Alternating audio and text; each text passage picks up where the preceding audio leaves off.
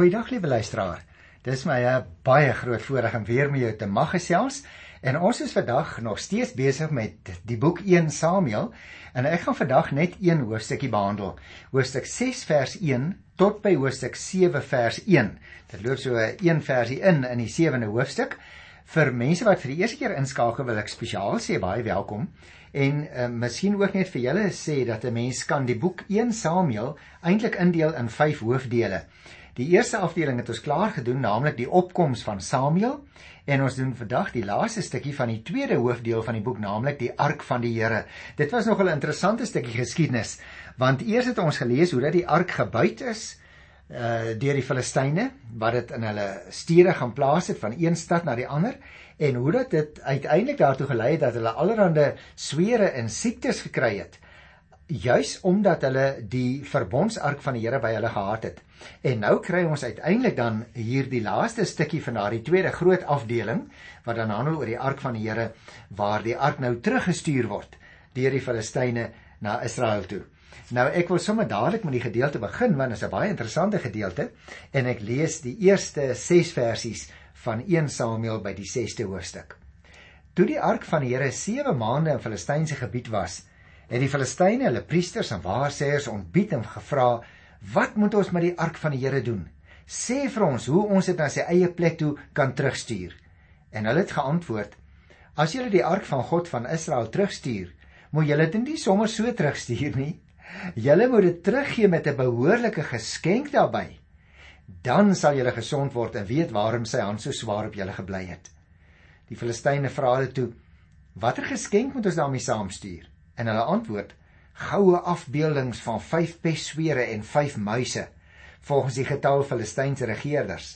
Want die plaag was een en dieselfde vir almal, ook vir die regerders. Jy sal onthou, liewe luisteraar, hulle het uh, in die verskillende stede die die ark rondgestuur, maar dan het die mense dieselfde soort siekte gekry as wat dit in die vorige stad ook die geval was.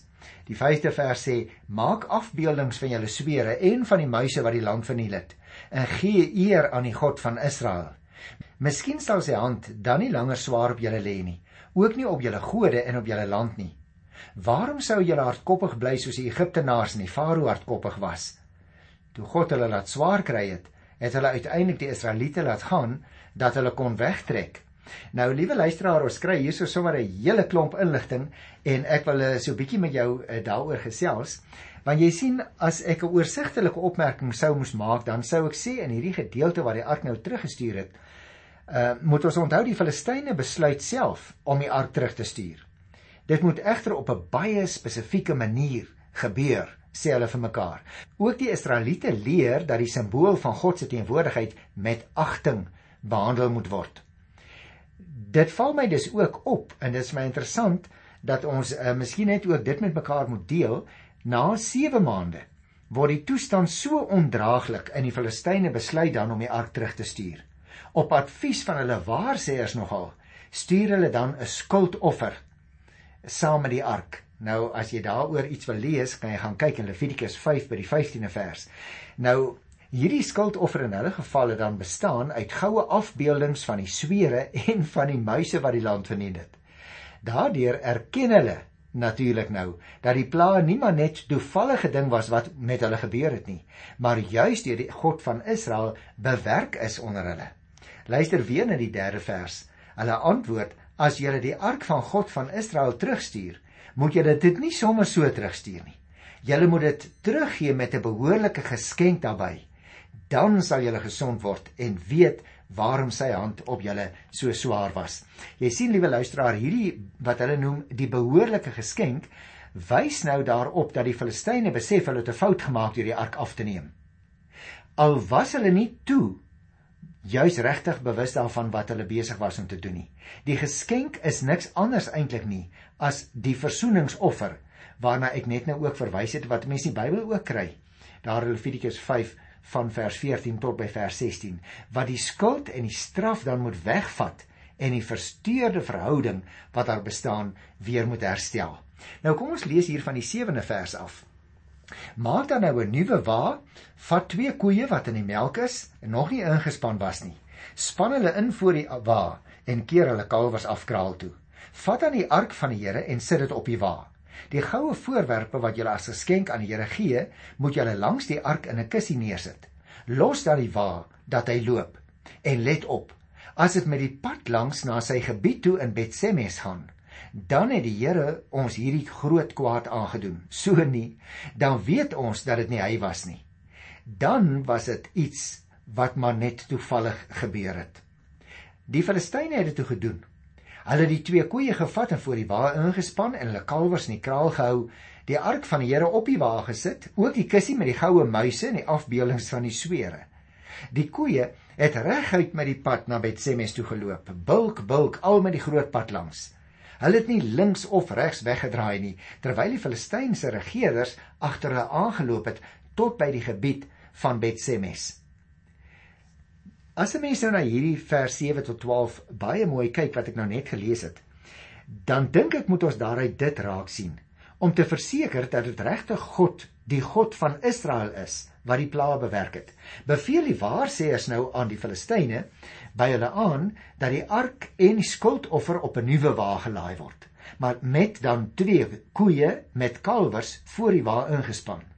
Die kalwers, het jy opgelet, moet agtergehou word Met ander woorde, as die koeie van self na Israel se grondgebied sou gaan ten spyte van hulle kalwers en hulle kry so intoe koers ten spyte van die kalwers wat hier agter in die kraal staan en bulk, dan sou dit oortuigende bewys lewer, sê die waarsêers van die Here se betrokkeheid in die saak. Nou is vir my baie interessant, liewe luisteraar, dat hierdie heidene, want hulle het natuurlik nie die Here geken nie, soveel ag geslaan het op die God van Israel en wat hy gedoen het en daarom gaan hulle ook nou so optree. Baie interessant as 'n mens na die 12de versie spesifiek kyk. Dan staan daar die koeie het reguit met die pad langs Betsemes toe geloop. Bulk bulk al met die groot pad langs. Hulle het nie links of regs weggedraai nie terwyl die Filistynse regerders agter hulle aangeloop het tot by die gebied van Betsemes. Met ander woorde, teen hulle instink in, het die koeie hulle kalwers agtergelaat en die wa al bulkende na die stad Betsemes toe begin trek. Die Filistynse regerders het dit natuurlik as 'n bo-natuurlike gebeurtenis beleef en het gevolg totdat die wa met sy kosbare vrag ongehinderd by die naaste Israelitiese stad aangekom het. En daarmee, liewe luisteraar, is 'n besondere kontras geteken in hierdie verhaal. In die hande van die gelowige wil nou dit in aanhalingstekens sê in die hande van die gelowige Israeliete met antwoorde daar op die slagveld vind daar geen bonatuurlike ingrypings plaas nie terwyl aan die ander kant in die hande van die ongelowige Filistyne vind daar die een bonatuurlike gebeurtenis na die ander plaas en so tree die Here op volgens die eis van elke situasie liewe luisteraar Die Here kan nooit in 'n bepaalde patroon vasgevang word nie. Met respek gesê, ons kan nooit die Here in 'n blik druk nie. Tog, ja, tog tree God nie willekeurig op nie. Het jy dit opgelet? Dis altyd tot eer van sy naam en tot heil van mense. By die Israeliete weier die Here om op te tree sodat hulle kan besef dat hy nie tot optrede gedwing kan word nie. Aan die ander kant, by die Filistyne gryp die Here wel in om so te toon dat hy die lewende God is wat alles beheer, terwyl Dagon die Filistynse god maar net 'n mensgemaakte beeld is. God bereik dus sy doel met hierdie mense, soms deur stil sweye, ander kere deur onverwagte optrede. Stil sweye luisteraars is dan ook 'n manier waarop God by hierdie wêreld betrokke is elke dag. En daarom heet ons program ook die Bybel vir vandag. Die Here is nie onbetrokke nie. Ook in die gebeure in die wêreld, daarin is sy hand of dit omstandighede is waarin gelowiges is of ongelowiges, maar die wêreld en almal wat daarin is behoort mos aan die Here. Psalm 24 sê dit: Die aarde en alles wat daarop is, behoort aan die Here. En daarom laat hy nie sy skepping aan homself oor nie. Sy hand is ook in hierdie oomblikke wat jy na hierdie program sit en luister of in die motor daarna luister, is die Here nog steeds in beheer van hierdie wêreld. Kom ons lees nou vers 13 tot 16. Die mense van Betsemes was besig om koring te oes in die laagte. En toe hulle opkyk, sien hulle die ark. Hulle was bly om dit te sien. Die wa het tot by die grond van Joshua van Betsemes gekom en daar gaan staan. Daar was 'n groot klip. Hulle het die hout van die wa stukkend gekap en die koeie as brandoffer aan die Here geoffer. Die leviete die ark van die Here en die kussie daar langs aan waar in die goue voorwerpe was afgelaai en op die groot klip neergesit. Op daardie dag het die mense van Betsemes aan die Here brandoffers en ander diereoffers gebring. Toe die vyf Filistynse regerders dit sien, het hulle dieselfde dag nog teruggegaan na Ekron toe. Het jy nou mooi geluister na hierdie paar verse, liewe luisteraar? Die inwoners van Betsemes was so verheug oor die aankoms van die ark dat hulle die wa as brandhout gebruik het en dat hulle die koeie as offerdiere verbrand het. Tussen hakies ek wil net vir jou sê, Betsemes was natuurlik 'n Levitiese stad. Gaan kyk maar weer daar in Joshua 21 vers 16 wat ons behandel het. En daarom was daar geskikte amptsbekleders om die offers te bring vir die versorging van die ark. Baie interessant dat die Here so gereël het dat die koeie dis reguit met die wa wat hulle getrek het en die ark daarop reguit na Betsemes geloop het. Dit is dus vir ons al groot belang, liewe luisteraars, om op te merk die stad het aan die Lewiete behoort. Daar was dus priesters wat die offers kon bring, daar was priesters en leviete wat die godsdienstige kultus aan die gang kon hou. En daarom was daar mense wat ook die ark kon versorg. Wie was hulle? Hulle was die levitiese priesters, onthou jy nog? En die Filistynse leiers is tevrede dat hulle versoeningsoffer aanvaar is en daarom draai hulle om, hulle gaan terug na hulle huis toe. Wonderlik dat die Here so kan werk, ook in die harte van hierdie levitiese waarsêers. Hulle was sonder dat hulle dit besef het instrumenteel in die hand van die lewende God van Israel. En daarom haas ek my sommer om die laaste paar versies wat ek vandag gaan behandel te lees. Dit is nou hier by 1 Samuel die 6ste hoofstuk van vers 17 af. Uh en ek gaan nou net lees tot by vers 20. Die geskenk wat die Filistyne aan die Here gegee het, die goue afbeeldings van die swere was een vir Asdod, Dit wil sê dis nou die verskillende Filistynse stede nê wat dit gee, een vir Asdod, een vir Gaza, een vir Askelon, een vir Gat en een vir Ekron. Jy moet oplet, jy luister, daar was 5 Filistynse stede met wat ons miskien nou sou genoem het. Elkeen van daardie Filistynse uh, stede het dan 'n koning gehad. Met ander woorde, elke koning moes so 'n donasie maak. En dit is nou wat oorhandig is aan die Israeliete. Die 18de vers vertel vir ons die goue afbeeldings van die muise was vir die versterkte en onversterkte stede van die vyf Filistynse regerders. Die groot klip waarop hulle die ark van die Here neergesit het, staan tot vandag toe as getuienis op die grond van Joshua van Betsemes. Nou hierdie opmerking staan tot vandag toe moet ons natuurlik dadelik besef dit is die kompilator of die eindredaktor van die boek 1 Samuel wat hierdie opmerking maak die groot klip waarop die ark van die Here neergesit staan tot vandag toe staan daar as getuienis op die grond van Joshua van Betsemes. Maar die Here het die inwoners van Betsemes getref omdat hulle die ark bekyk het. Hy het 70 manne onder hulle laat sterwe. Toe het hulle gerou omdat die Here hulle so swaar getref het. Daarna het die mense van Betsemes gevra: "Wie kan bestaan in die teenwoordigheid van die Here?" Hierdie heilige God. Na wie toe kan hy gaan van ons af? Baie interessante vraag wat hulle vra. Jy sien die luisteraar op die slagveld 7 maande tevore sal jy nog onthou, wou die Here nie teen die Filistyne optree nie.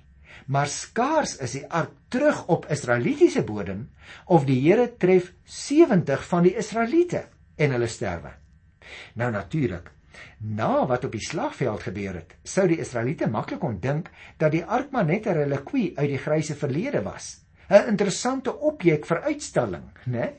Met ander woorde, hulle het glad nie eers erns gemaak met die ark wat nou hier by hulle aankom nie. Hulle het nie besef dat die simbool van God se teenwoordigheid wil eintlik vir hulle sê, hoorie, die Here is as dit ware weer terug hier by julle. Begin die Here dien, maar hulle steur hulle glad nie daaraan nie. Nou bekyk hulle die ark en jy sal onthou die ark het in die allerheiligste van die tabernakel gestaan en so ook later in die tempel. Met ander woorde die ark was nie toeganklik vir die gewone Israeliet nie. Destyds natuurlik sal jy onthou met die woestyntog wanneer die leviete altyd die ark gedra het aan twee lang houtpale want hulle mag nie daaraan geraak het nie.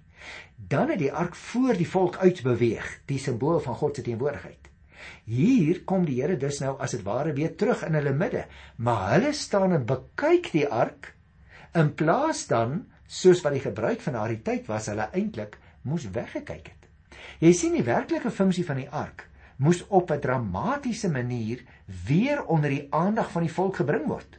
Hulle moet besef dat die God van die ark nog steeds die magtige God is wat kan optree wanneer dit nodig is. En daarom laat die Here 70 manne onder hulle sterwe. Ook in hierdie geval, liewe luisteraar, gaan dit dus om die ark as die simbool van God se teenwoordigheid. Ek het ook al daaroor so bietjie gepraat voor die tyd wat die ark nog bestaan het. Onthou jy uit Genesis 3 van vers 6 tot by vers 7 waar ons voortdurend die indruk kry reg deur die Ou Testament dat wanneer God teenwoordig raak, dan moet mense let op hulle optrede want hy is die heilige God en hulle kan nie direk in sy teenwoordigheid kom nie. Daarom het die Ou Testament ook geleer niemand het God nog ooit gesien nie. En mense was dan ook bang vir die heiligheid van God. Jy onthou nog toe Moses op die berg geklim het, was hulle bang om na Moses te kyk. En Moses was bang dat hulle na hom sou kyk en sou sterwe. Daarom het hy sy blinkende gesig ook toegemaak, want dit was juis die teken dat hy in die teenwoordigheid van die Here was. Daarom die Levitiese inwoners van Betsemes sal jy onthou was meer as ander Israeliete bewus van die voorskrifte omtrent die heiligheid van die ark. En tog, kan jy dit glo? Tog is dit juis hulle wat toegelaat het dat God se simbool oneerbiedig behandel word. Het jy opgelê die Here reël so dat die koeie met die ark reguit na Betsemes loop. Maar die Lewiete, want dit wat was 'n Lewitiese stad, het ons net nou gehoor, die Lewiete moes geweet het ons moet groot respek hê vir die ark maar hulle sê nie vir die mense wat saam met hulle daar woon nie. Dit is dus 'n geval van die wat die weg weet en dit nie bewandel nie. Ag, liewe luisteraar, ons moet nooit vergeet nie. Op die gelowige, dis ook op jou en in my, lê daar 'n besondere verantwoordelikheid om die simbole van die Here in ons tyd is dit veral die doop en die nagmaal om daardie simbole met die nodige respek en verantwoordelikheid te beheer want dit is tekens wat die Here vir ons gee wat vir ons herinner aan wat hy vir ons doen. En daarom moet ons dit ook hoog ag. Nou kom ek lees die laaste uh twee versies vir vandag. Uh dit is nou die laaste versie van 1 Samuel 6 en dan ook 1 Samuel 7 se eerste vers net want die verhaal loop eintlik deur tot daar Hulle het boodskappers gestuur na die inwoners van Kiriat Jearim toe om te sê die Filistyne het die ark van die Here teruggebring. Kom vat dit na julle toe. Die mense van Kiriat Jearim het toe gekom. Hulle het die ark van die Here gaan haal en dit na die huis van Abinadab op die heuwel gebring. Hulle het sy seun Eleazar gewy om die ark van die Here op te pas. Nou dis 'n interessante ding wat hier gebeur, het jy dit opgemerk? Skielik is daar vrees in die Israeliete se harte, want hulle het dit nou net met hulle eie oë gesien hoe dat 70 van hulle eie mense daar in hulle teenwoordigheid sterwe. Maar hulle maak nog nie die afleiding dit is omdat ons oortree het nie. Ons moet eerbied betoon en nou staan ons hier en ons gaap in die rigting van die ark. Maar nou kom hulle met ter tyd tot die besef dat die Here teenwoordig is daar by hulle en nou begin hulle vir die eerste keer bietjie bang word oor wat besig is om te gebeur. En daarom reël hulle nou dat die ark na Kirjat Jearim toegeneem word. Dalk omdat Silo op hierdie stadium in die geskiedenis, liewe luisteraar, nie meer bestaan het nie. Die Bybel noem nie 'n rede nie en daarom is ons ook nie seker daarvan nie. Maar dit is 'n baie waarskynlike rede, so sê die Ou Testamentiese geleerdes vir ons, dat Silo dalk nie meer bestaan het nie en nou stuur hulle die ark na Kirjat Jearim toe, so 'n klein dorpie daar tussen hakies mag ek myself onderbreek en net vir jou sê jy sal onthou later is die volk natuurlik in ballingskap gestuur juis as gevolg van 'n ongehoorsaamheid. Uh dit was in die tyd van die Babiloniërs en die Babiloniërs het die stad Jerusalem onder beleg geplaas in die jaar 586 en om die wenteling van die jaar eers in die jaar 587 en eers na die wenteling van die jaar met ander woorde in die jaar 586 voor Christus. Eers toe het Jerusalem geval. En nou baie interessant. In daardie tyd nadat Jerusalem geval het en ook natuurlik die tempel verwoes is, was daar nog Israeliete wat agtergebly het in die land wat nie saam weggevoer is nie. En dan wanneer hulle na Jerusalem gegaan het in daardie tyd om te gaan aanbid, het hulle wanneer hulle by die klein dorpie daar in die in die Judeese berge kom waar die klein dorpie Kiryat Jearim lê het hulle daar altyd hulle klere geskeur en as op hulle koppe gegooi as 'n teken van rou. Hoekom? Want Kiryat Jearim was die eerste dorpie daar op die heuwels wat vir hulle uitsig gegee het op die tempel wat verwoes is. Vroeger het hulle daar by Kiryat Jearim gekom voor die verwoesting van die tempel en as hulle die wit marmer van die tempel in die Palestynse son sien skitter het, dan het hulle lofliedere gesing, né? Pragtige liedere wat sê ons gaan op na Jerusalem, kyk na die torings en die trans, hè, die ou vertaling nog uit die psalms, hy klink onthou jy nog daardie psalms wat hulle so mooi gesing het. Maar nadat die tempel verwoes is, het hulle daar by dieselfde dorpie Kiriat Jearim hulle klere geskeur. En nou stuur hulle dan op hierdie stadium van die geskiedenis die ark terug, want onthou daar is mos nou nog nie 'n tempel nie. Silo is waarskynlik verwoes en daarom stuur hulle nou die ark na die dorpie Kiriat Jearim. Daar bestaan tussen hakies liewe luisteraars 'n wesenlike gevaar dat 'n mens se eerbied vir God kan vervlak. Die verhaal wil dus vir ons waarsku teen die nadelige gevolge van 'n aanmatigende optrede. Met ander woorde, liewe luisteraar, ook wanneer ons in die teenwoordigheid van die Here kom, moet ons altyd onthou hy is 'n heilige God. Ons hoef nie vir hom bang te wees nie want die Here Jesus het gekom om vir ons te kom leer. Na sy offer aan die kruis op Golgotha, hoef ons nie vir die hemelse Vader bang te wees nie. Maar dit beteken nie dat ons nie respek vir hom moet hê nie, hoor? En dit leer ons uit hierdie verhaal. Die reëlings wat op daardie stadium van die geskiedenis bestaan het, hierdie mense het nie daaraan gesteer nie en daarom het die Here hulle gestraf. Jy en ek moet ook met groot eerbied in die teenwoordigheid van God kom. Want liewe luisteraar, onthou, hy is God. Hy's nie ons speelmaatjie nie. Ek wil net voordat ons ek afsluit vir vandag vir jou vra dat jy so bietjie sal uh, gaan lees in die volgende hoofstuk wat ek uh, volgende keer gaan begin behandel. Uh, die res van uh, 1 Samuel 7, maar veral hoofstuk 8. En hoekom? Omdat ek redelik vinnig daardeur sal gaan, maar ek wil hê jy moet iets oplet wanneer jy daarin lees daar gaan sprake wees van die reg van die koning. Want daar gaan die Israeliete vir Samuel sê eh, selfs tog 'n koning dat ons ook kan wees soos die ander volke hulle koning wat ons kan saam roep as daar gevaar kom.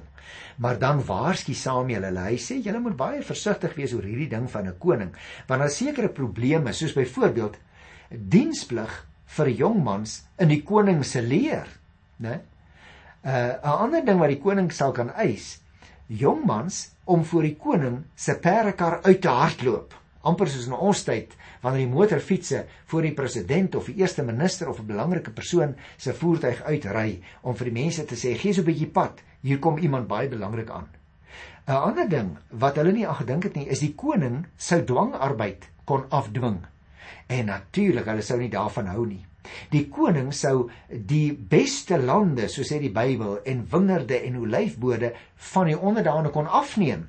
So Samuel het hulle betyds gewaarsku. Hy het ek vir hulle gesê julle moet oppas, die koning sou die volk se eiendom tot sy eie voordeel kon gebruik. En 'n ander ding wat ek net so lank wil noem, die koning sou 'n tiende van hulle oeste en van hulle kuddes eis. Met ander woorde, daar sou begin word met die Here stelsel van belasting wat op hierdie stadium in die geskiedenis nog nie bestaan het nie. Daarom, liewe luisteraar, gaan ons nou volgende keer oor 'n baie interessante stukkie geskiedenis gesels. Ek wil dan afsluit vir vandag. Ek wil vir jou herinner aan die verhaal en die boodskap wat ons ook hier gekry het dat ons altyd in die teenwoordigheid van die Here met groot respek moet optree omdat God 'n heilige God is. Ek groet jou dan ook in sy wonderlike naam, liewe luisteraar, tot volgende keer. Tot dan. Totsiens.